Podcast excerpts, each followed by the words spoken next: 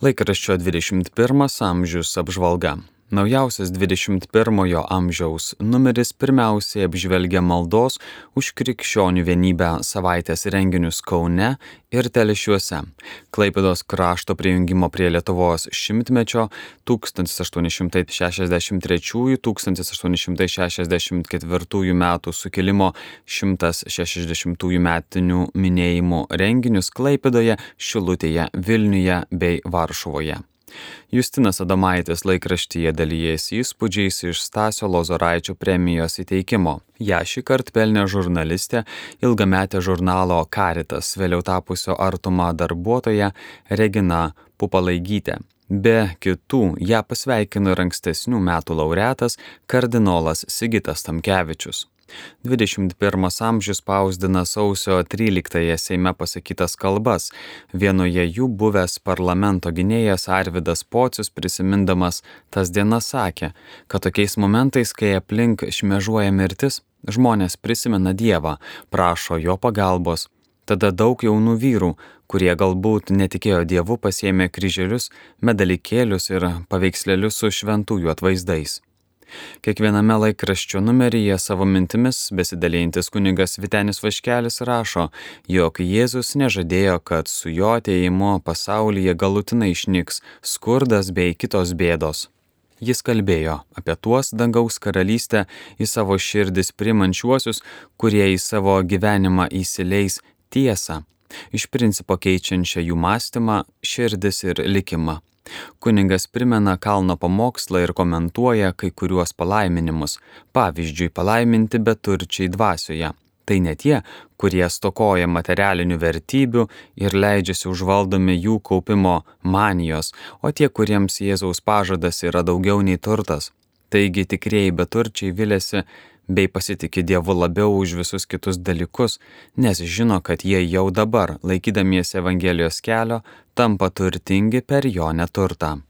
Išėjo ir laikraštis katalikas, jame toliau tęsiami pamokslėliai apie išpažinti, kuriuos parašė kunigas Jonas Paliukas. Jis rašo, ko negalima ir ką reikia pasakoti atliekant išpažinti.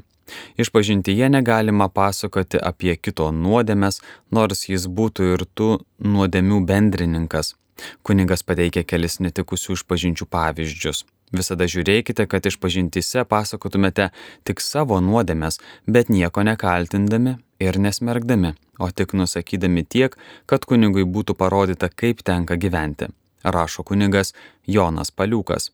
Jam dar yra tekę girdėti, jog pasitaiko žmonių, ypač moterų, kurie labai lengvabūdiškai pasakojasi kitiems apie savo išpažintyje iš kunigo girdėtus dalykus, pasakojasi, kritikuoja kunigo įspėjimus ar patarimus, juokiasi iš jų. Ir tai daro, atrodo tokie, kurie save dar vadina tikinčiaisiais, išpažinties eina dažnai ir net nemano jos išjuokti. Kaip tai žiūrėti? Ar iš vis galima kalbėti apie išpažintyje girdėtus dalykus? Į tai atsako kuningas.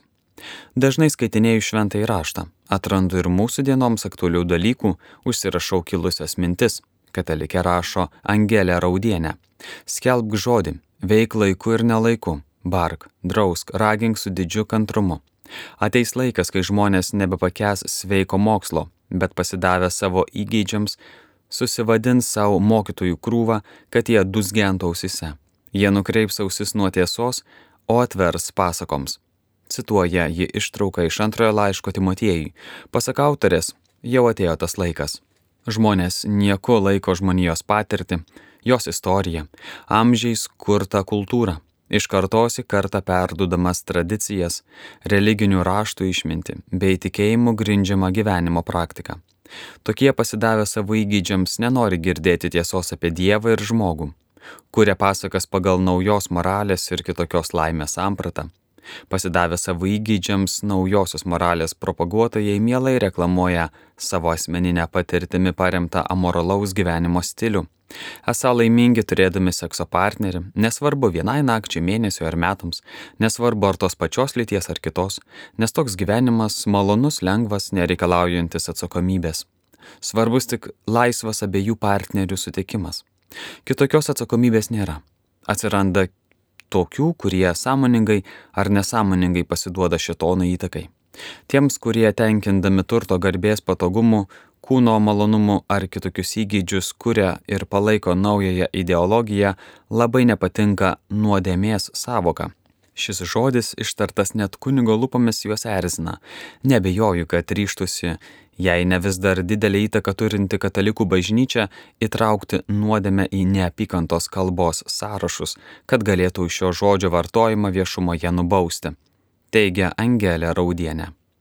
Katalikas dar spausdina Leono Nekrašo fotoreportažą apie Šiauliuose vykusią šeimų šventę, o žodžiais Įspūdžius apie ją išsako gargždiškė Kazimiera Sipienė.